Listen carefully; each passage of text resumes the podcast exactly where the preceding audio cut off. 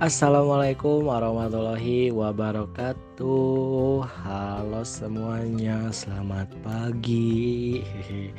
Gak bosan-bosannya nih saya Rifki Ramadan dengan NIM 1900149 dari PKN 2019A untuk selalu mengingatkan kepada teman-teman semuanya dan kepada siapa pun yang mendengar podcast ini untuk selalu menjaga kesehatan ya teman-teman. Semangat terus puasanya dan jangan lupa untuk selalu melakukan ibadah ya teman-teman. Apalagi ibadah sholat taraweh nih karena sholat taraweh sendiri hanya ada di bulan Ramadan loh. Dan kita juga bisa mendapatkan pahala yang melimpah dari Allah Subhanahu wa taala.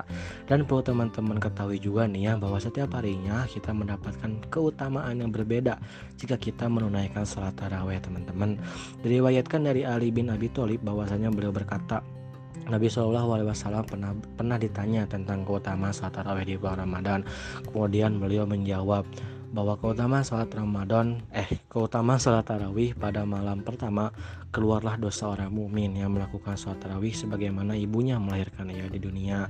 Dan sampai hari terakhir padalah salat tarawih sebagaimana Allah Subhanahu wa taala Subhanahu wa taala berfirman wahai hambaku makanlah buah surga minumlah minuman surga mandilah pakai air surga aku Tuhanmu dan kamu hambaku Nah kan teman-teman uh Masya Allah banget kan ya keutamaan keutamaan keutamaannya gitu loh ya. Maka dari itu teman-teman mumpung masih ada sekitar kurang lebih berapa hari lagi nih ya lima hari atau lebih kali ya adalah ya sebelum puasa selesai alangkah baiknya gitu ya kita semakin giat nih untuk selalu menjalankan ibadah sholat taraweh ya teman-teman Oke baik dalam podcast kali ini saya akan sedikit mengomentari dan memberikan tanggapan saya nih kepada kelompok 19 yang beranggotakan Anggi Fatmaul Alifah dan Nida Kurota Ayun. Duh Anggi semangat ya PJ ku di mana mereka berdua membahas tentang using big data, large scale studies and secondary data analysis as tools to inform social studies teaching and learning. Aduh, sulit banget ya bahasanya teman-teman.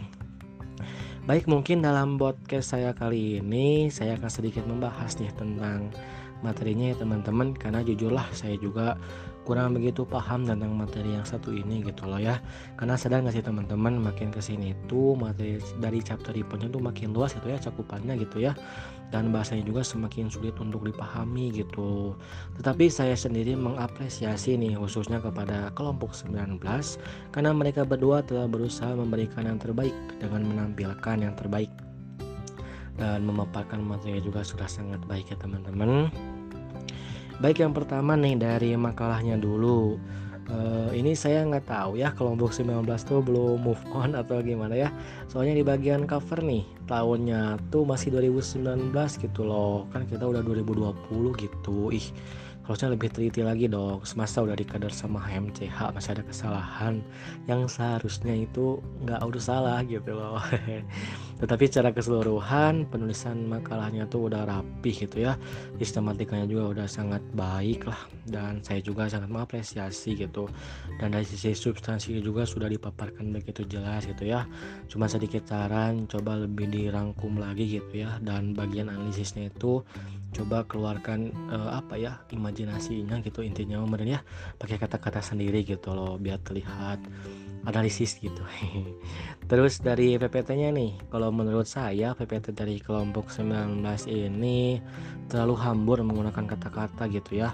Terus kan saya juga pernah gitu mengomentari kelompok kemarin tuh tentang pembuatan PPT kalau pembuatan PPT itu ya alangkah baiknya kita tuh hanya menuliskan poin pentingnya saja gitu loh. Dan jika ingin ditambah dengan penjelasan ya cukup satu kalimat atau dua kalimat lah gitu.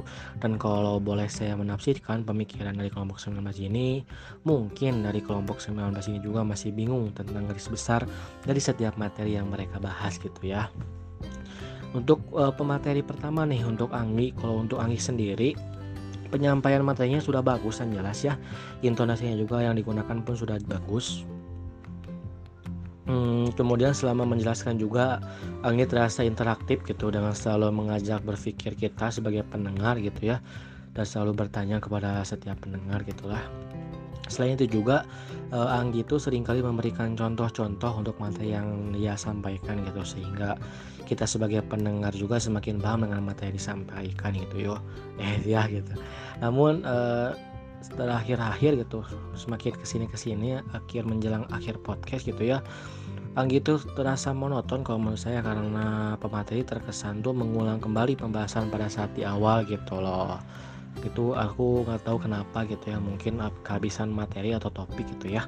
Sedangkan untuk pematerian kedua nih Nida untuk pematerian yang kedua ini saya rasa hmm, materi yang yang materi yang disampaikan tuh gimana ya asa kurang jelas aja gitu loh. Dan terus Nida tuh micnya tuh kadang maju kadang kedengeran kadang harus di fullin volumenya tuh bingung lah ini memang nggak nggak ajek gitu suaranya tuh gitu loh. Dan Nida juga masih terkesan kaku gitu dalam menyampaikan pematerian kepada audiens gitu ya.